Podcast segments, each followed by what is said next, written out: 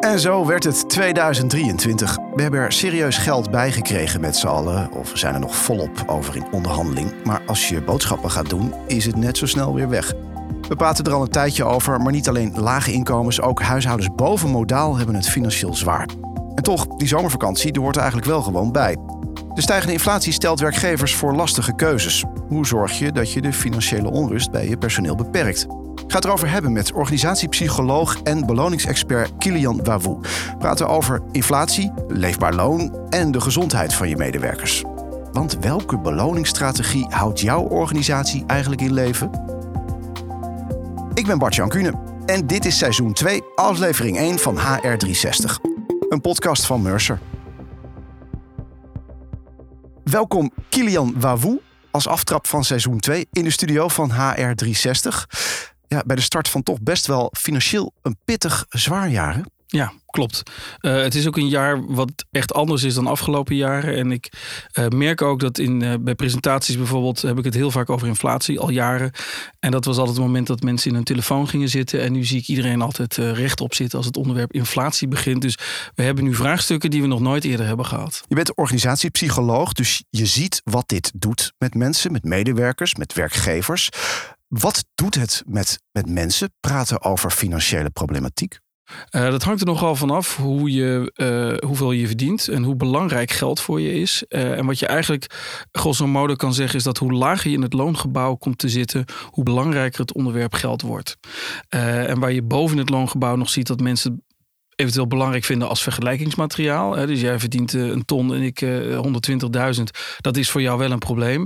Maar dat is niet vergelijkbaar met iemand aan de onderkant van het loongebouw die wel of niet warm eten heeft. Is dat ook waar het over gaat als je praat over leefbaar loon? Ja, uh, en dat is eigenlijk die laatste categorie. Is dat dus geld is een middel om in leven te blijven. Uh, en naarmate je laag in het loongebouw komt, is dat probleem gewoon groter. Hoe groot is het probleem voor die groep aan de onderkant? Ja, die groep is groot. Uh, om je even een, een, een uh, idee te geven, is um, het Nibud houdt als regel aan dat je uh, je inkomen, je uitgaven moeten niet in balans zijn. Het woord balans klinkt altijd heel erg goed. Ja. Maar bij inkomen is dat niet zo. Je moet eigenlijk ongeveer 10% kunnen sparen voor lastige gevallen. Dat er ja. een keer iets gebeurt wat je niet zag aankomen. Van een, een, kapotte koelkast tot een, iemand die ziek wordt, die je moet opzoeken ergens ver weg. Um, en de groep die dus niet in staat is om uh, uh, te sparen, om ongeveer 10% van het inkomen te sparen, uh, die heeft eigenlijk al een probleem. En dan zit je al aan de middeninkomens. dus dat zijn een paar miljoen mensen in Nederland. Een paar miljoen mensen. Ja. Wordt volop onderhandeld. CAO's die worden opengebroken. Er komen soms ook echt procenten bij. En soms ja. ook fors, soms zelfs gelijkluidend aan de inflatie. Helpt dat dan niet? Ja, nou gelukkig hebben we vandaag wat meer tijd. De eerste vraag is, wat, wat is nou eigenlijk de inflatie? En ik, ik hoor, je hebt verschillende cijfers. Je hebt een Europees cijfer, je hebt een, een Nederlands cijfer. Maar in alle gevallen zijn het gemiddelde. Uh, en we zitten hier vandaag met drie mensen... Uh, die alle drie hun eigen situatie hebben. En de inflatie voor jou of voor mij is een andere. Ja. Uh, als ik uh, vijf kinderen heb, een tochtig huis uh, en een hobby of een, of een, helemaal geen hobby, maar een reden waarom ik heel veel energie verbruik, bijvoorbeeld omdat ik ver weg woon van mijn werk en de kilometervergoeding blijft achter, dan is mijn inflatie vele malen hoger dan als jij geen kinderen hebt en een goed geïsoleerd huis woont. Ja. Um, met andere woorden, mijn inflatie is misschien wel 20% en die jouwe maar 5. Dus de verschillen zijn onderling al heel groot. Heel groot. Hoe ga je daar dan uh, mee om als werkgever? Hoe krijg je de signalen naar boven? Hoe dat op individu individueel niveau voelt voor je, voor je medewerker? Ja, wat het dus heel lastig maakt als, als, uh, als werkgever... is dat als je, um, uh, en dat is ook al een van de tips die ik vandaag wil gaan geven... op het moment dat je gaat praten over inflatiecorrectie... dan, dan geef je dus eigenlijk de verwachting... dat je dus dat cijfer gaat corrigeren. Ja. En dat is in jouw geval dus 20 en in mijn geval dus 5. Dus daarom zou ik met het woord inflatiecorrectie dus willen oppassen... Ja. Uh, want je geeft mensen daardoor misschien te veel of te weinig. Waar praat je dan liever wel over? Uh, tegemoetkoming. Tegemoetkoming in, in, in gevoel, tegemoetkoming in beloning? Tegemoetkoming in, in duurdere of in hogere kosten voor levensonderhoud. Oké, okay, dus je gaat echt kijken wat houdt mijn personeel bezig en daar stem je op af. Ja, en, en ik kan zonder dat ik het personeel ken van de luisteraar al zeggen dat het dus per persoon verschilt. En ik, ik kom nu bij bedrijven die zeggen we gaan hier de inflatie corrigeren. Uh, ja, wat krijg je dan? Mensen aan je bureau die zeggen ja, maar voor mij is het veel meer. Uh, voor, mij is dit niet in verhouding tot wat het zou moeten zijn. En, en dat soort discussies. En iedereen die in beloningsland zit, die, die kent de wet van behoud van gezeur. Uh, namelijk dat belonen een, een heel gevoelig thema is. en als je gaat zeggen ik ga het corrigeren, ja, dan gaan mensen aan je, komen aan je bureau en die gaan zeuren. En binnen grotere organisaties heb je als HR-afdeling misschien ook wel te maken dus met de onderkant en de bovenkant. Het Altijd. minimum tot ja. ja. ver boven modaal. Ja, als ik even mag onderbreken, het hoeft niet per se het minimum te zijn. Dus het, het minimumloon bijvoorbeeld in Nederland, ja, of iemand met een bijstandsuitkering, daar kan iedereen wel van bedenken dat die het redelijk zwaar hebben. Maar iemand met een modaal inkomen, wat zo'n 38.000 euro bruto is, als je een kostwinnaar hebt en twee kinderen, dan heb je het ook al zwaar. Dus die groep is eigenlijk relatief onzichtbaar, zeg je ook? Ja, en, relatief groot. En dat was eigenlijk al voor, zo voor de inflatie. Dus mensen overschatten uh, enorm. Omdat ik, ik hoop dat de meeste luisteraars uh, wat, wat hoger in het loongebouw zitten. Want veel HR-managers zitten en managers zitten gewoon wat hoger. En die kunnen zich niet meer voorstellen dat uh, op het moment dat je 38.000 euro hebt per jaar. En bijvoorbeeld drie kinderen en een hond en een partner. Dan, dan zijn je inkomen en je uitgaven vaak redelijk in balans. En dat is dus niet zo'n goed teken. Als je dat dus niet ziet, omdat je eigen omgeving anders is ingericht, omdat je dus zelf inmiddels een andere standaard hebt, dan brengt dat dus ook uitdagingen eh, voor je mee als werkgever eh, voor die groep. Ja. Eh, wat voor uitdagingen zijn dat, behalve dan dat je je moet kunnen inleven? Um, nou ja, je hebt eigenlijk wel de belangrijkste genoemd, is dat um, voor mensen boven in het loongebouw, die vergelijken zichzelf met mensen ook die in een ander hoog in een loongebouw zitten. En daardoor een heel ander perspectief hebben. Maar is er bijvoorbeeld makkelijk over te praten? Um, mensen vinden het over het algemeen altijd moeilijk om over geld te praten. Uh, zowel boven in het loongebouw, eigenlijk iedereen. Het is een beetje mensen eigen. Mensen praten ook liever over modaal dan over hun echte inkomen. Um, maar in ieder geval, de, het inleven in, in je doelgroep, dus in, in je eigen personeel, is verschrikkelijk moeilijk. Hoe krijg je dan dat inzicht? Nou, door naar deze podcast te luisteren. dat sowieso. Uh, en, en het besef te hebben dat, uh, dat een heel groot deel van Nederland, dus ook in jouw organisatie, en nogmaals, ik weet helemaal niet waar de luisteraar werkt, maar ook bij jou in de organisatie zitten mensen met financiële stress. Um, en we weten vervolgens uit, uit allerlei onderzoeken dat, dat financiële stress heel veel met mensen doet. Dus dat het heel veel impact heeft op je, uh, zelfs op je brein. Dus dat je zelfs moeilijker gaat plannen, organiseren. En, en eigenlijk constant stress hebt over geld. En dat, dat zorgt dat prestaties ook uh, naar beneden gaan en stress omhoog. Ja, in het eerste seizoen van HR360 hebben we er zelfs een hele aflevering aan gewijd. Aan nou. wat voor problemen dit echt oplevert voor de medewerker. En ook wat ja. de gevolgen daarvoor zijn. Ook voor, ja. voor de werkgever. Die zijn niet mals. Um, wat zijn de keuzes waar organisaties dit jaar dan voor komen te staan? Door al deze problematiek? Ja, nou gesteld dus dat um, uh, mensen aan de onderkant van het loongebouw meer last hebben van inflatie dan de mensen uh, bovenin. En als ik even een voorbeeld mag geven, stel we nemen een, een ministerie, dan verdient de minister verdient 2 ton en de receptioniste 20.000 ja. op, op, jaarbasis. Even makkelijk gesteld. De, de impact van de inflatie is vele malen hoger voor die receptionist dan voor die minister. Uh, omdat de, de energierekening, zelfs in een wat groter huis, staat niet in verhouding dan van die, die onder in het loongebouw zitten. Dus die maakt al enorm verschil. Die maakt enorm verschil. En onder in het loongebouw gaat eigenlijk je hele inkomen gaat op aan iets waar inflatie op uh, ingrijpt. Ja. Terwijl die minister die gaat misschien op vakantie naar, naar Thailand. Of die kan kiezen tussen wel of niet uit eten gaan. En wel of niet uit eten gaan is niet dezelfde keuze als wel of niet warm eten. Of überhaupt eten. Of de verwarming aan. Of, of de of warm douchen. Of... Exact. Ik hoor mensen ook zeggen, je zet de verwarming dan wat lager. Maar ik spreek met, met bedrijven waarvan het personeel de verwarming al niet meer aan heeft.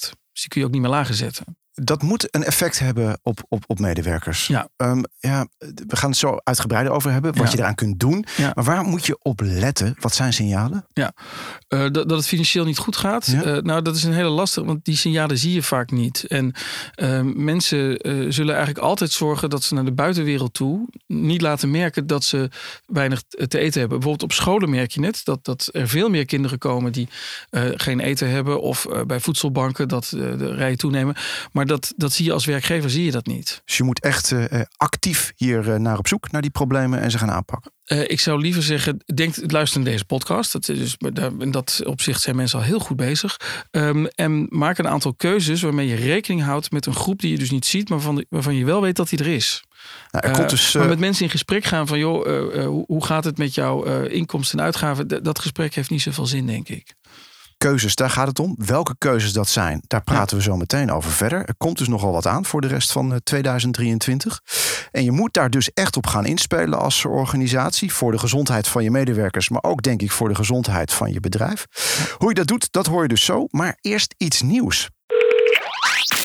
Met Bartjan. Hey, Bartjan. Met Bartjan. Nou kom ik niet zo vaak een, een naamgenoot tegen in een uitzending. Laat staan in een podcast. Maar het is toch gelukt. Bij Mercer werkt een ja. Bart-Jan. Bart-Jan Willenborg, jij bent eh, de marketing lead van, eh, van Mercer. Ehm, wat houdt jou zo al bezig? Ja, leuk je te spreken, Bartjan. Het is inderdaad niet vaak dat ik een, een naamgenoot tegenkom. Nou, heel veel dingen hou- houden mij op zich eh, momenteel bezig. Maar binnen Mercer proberen wij werkgevers zo goed mogelijk te helpen bij hun belangrijke thema's. En dat zijn er nogal wat gezien de extreme onrust waarmee we allemaal te maken hebben op dit moment. Er is uiteraard enorme politieke onrust, hoge inflatie, Ja. een klimaatcrisis, hoog ziekteverzuim, de supply chain is verstoord en ga zo maar door. Ja, en ook continu eigenlijk verandering in de persoonlijke omstandigheden, in, in regelgeving. Ja, ja, ja, steeds meer. Toename van wet en regelgeving. Denk bijvoorbeeld aan de huidige pensioenhervormingen. Allemaal wetgeving die we krijgen opgelegd vanuit Europa. Dus zowel lokaal, maar ook internationaal heel veel te doen. En niet te vergeten de hoge personeeltekort. De war on talent of de strijd om talent.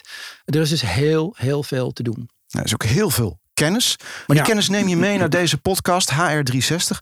Eh, wat ga je doen dit seizoen? Nou, wat we, wat we gaan doen, elke aflevering bel ik, bel ik in. En dan spreek ik eh, met jou. eh, en dan haak ik in op een thema eh, waar jullie het op dat moment over hebben. Dus ehm, nogmaals, bij Mercer doen we heel veel relevante onderzoeken op zo'n beetje elk denkbaar HR-thema. Ehm, en wat ik doe, ik deel de cijfers en inzichten uit de verschillende onderzoeken die er echt toe doen in de wereld van HR. Nou, wat goed dat je er bent, Bart-Jan Willemborg. We kunnen ook nog een hele podcast wijden aan, eh, aan die naam trouwens. Dat gaan we nu niet doen. Nee. Nu neem je al die interessante kennis en feiten mee vanuit Mercer. Ja.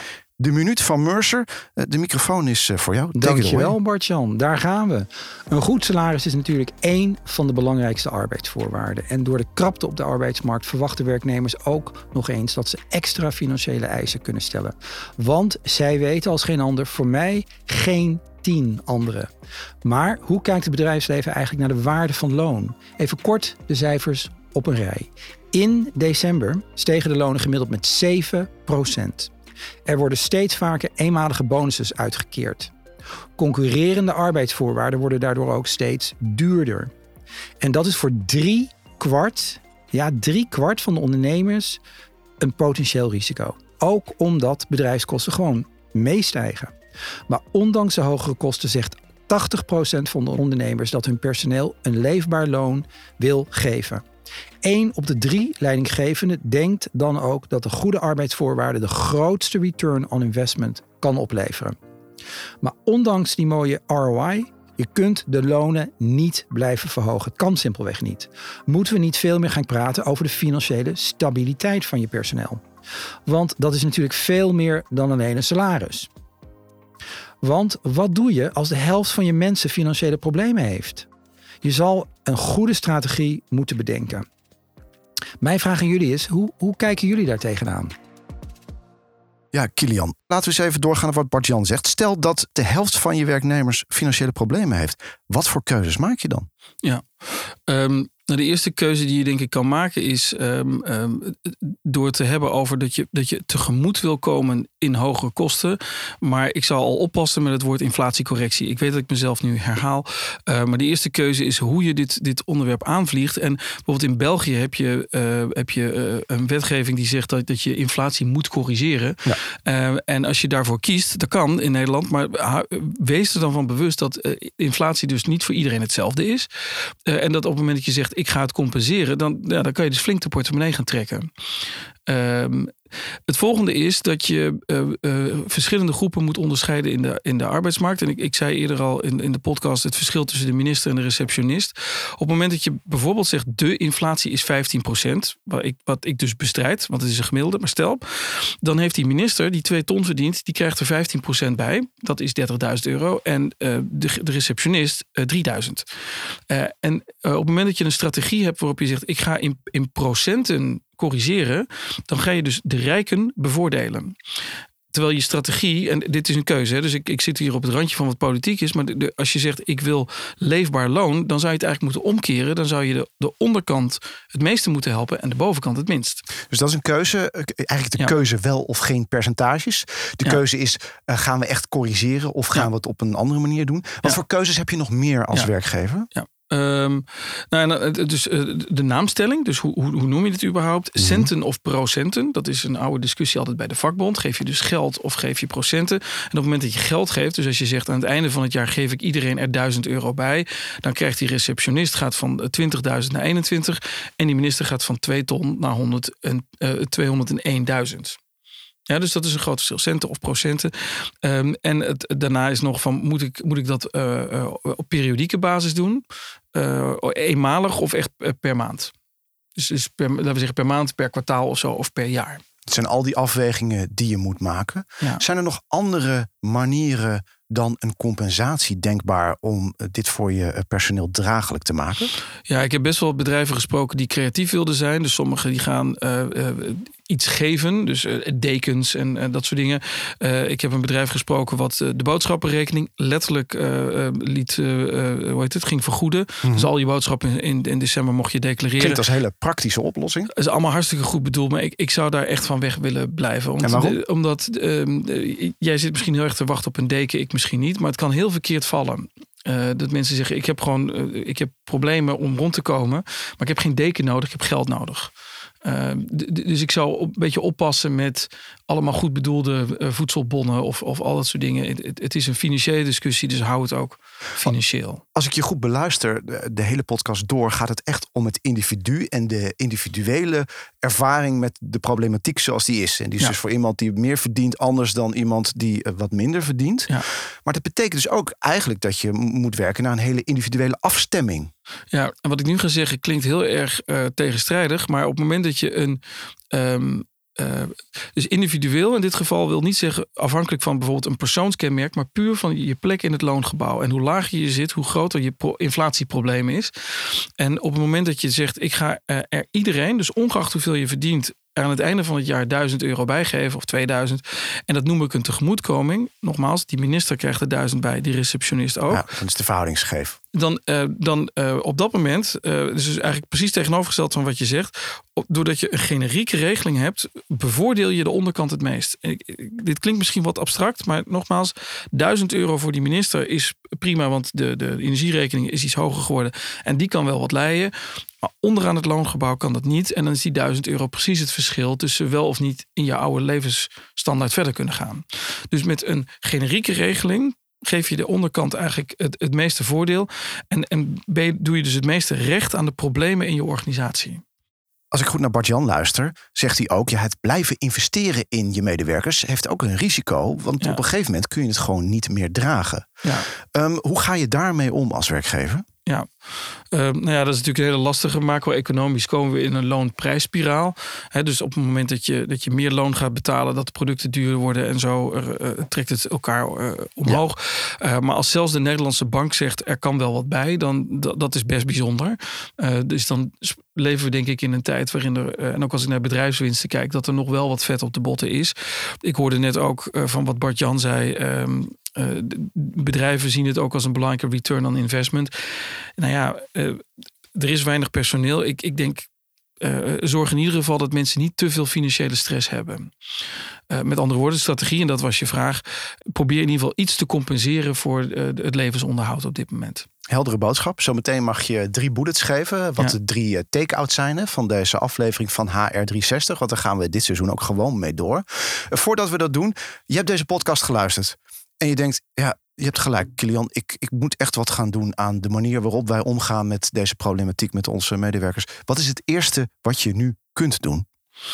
Um, het eerste wat je nu denk ik kan doen, is een regeling ontwerpen die um, uh, zorgt dat die de inflatie op een of andere manier compenseert. Of in ieder geval op een of andere manier dat je een tegemoetkoming hebt in de inflatie. Ik zou er nog één tip bij willen doen. En ik weet niet of dit mag, maar Anders knip je het er maar uit. Um, wat ik merk is, sommige bedrijven doen dit nu per maand. Dus die gaan structureel de lonen verhogen door middel van uh, procenten. Maar wees je ervan bewust dat je nooit meer terug kan. Dus op het moment dat je 15% loon erbij geeft. Uh, als het nou volgend jaar de oorlog is voorbij, God geven. Dan, um, uh, en die energieprijs gaat weer omlaag. Dan kun je niet zeggen, die 15% wil ik weer nee, terug hebben. Die ben je kwijt. Die, die ben je kwijt. En, um, en nu is het echt extreem hoog. En er zijn ook nog overheidsmaatregelen op dit moment van kracht. Dus die hebben daar ook weer invloed op. Dus ik zou heel erg op willen passen met uh, die, die procentenregelingen. Want dan er is geen weg meer terug. Helder verhaal. Start dus met een ontwerp waar je de rest van het jaar op kunt gaan bouwen. Ja. Nou, eh, de kennis en expertise die we van mijn naamgenoot kregen, kunnen daar ongetwijfeld bij helpen. Jouw visie op het geheel ook. Welke drie bullets nemen we mee uit deze aflevering? Uh, mijn eerste bullet is, uh, noem het geen inflatiecorrectie, maar een, een tegemoetkoming. Inflatiecorrectie is vanaf nu een verboden woord. Uh, ja, is verboden woord. Heel goed. Dat is één. Het tweede is, ik zou mensen adviseren, werk met centen en niet met procenten. Omdat je dan de onderkant van het loongebouw het meeste geeft ten opzichte van het salaris. En de bovenkant het minst. En zo doe je recht aan de problemen die, die, in dat deel van, van je organisatie zitten. en het derde is, doe dat niet per maand. Maar doe dat liefst per jaar of per half jaar. Zodat je ten eerste nog terug kan. Dus als, als de, het, het probleem minder groot is, kun je dat bedrag, uh, hoef je dan niet meer uit te keren. Bovendien, en dat is nog een laatste psychologische, um, is dat mensen op het moment dat je ze iets maandelijks geeft en het weer afpakt, dan voelt het als verlies. En wat bij Schiphol is gebeurd, die kregen de, de uh, uh, mensen in de beveiliging kregen 10 euro per uur. In de zomer dan 12 euro en daarna weer 10. En dan in plaats van dat ze blij waren met die 12, waren ze boos over dat ze weer teruggingen naar 10. Dus iets afpakken, weten we, is veel heftiger dan iets krijgen. Dus mijn derde is, ik zou het per jaar doen, dus of per half jaar. En noem het dan een uh, tegemoetkoming. Kilian Wawou, jij kwam eigenlijk alleen maar brengen vandaag. Dus dat is pure winst. In ieder geval voor de luisteraar. Dankjewel voor je komst naar de studio. Bart-Jan Willemborg van Mercer, ook bedankt voor je eerste column hier in de studio. Ik heb begrepen dat ik je vanaf nu aan de telefoon ga krijgen. Dit was aflevering 1 van seizoen 2 van HR360, een podcast van Mercer. In de volgende aflevering praten we door over financiële gezondheid.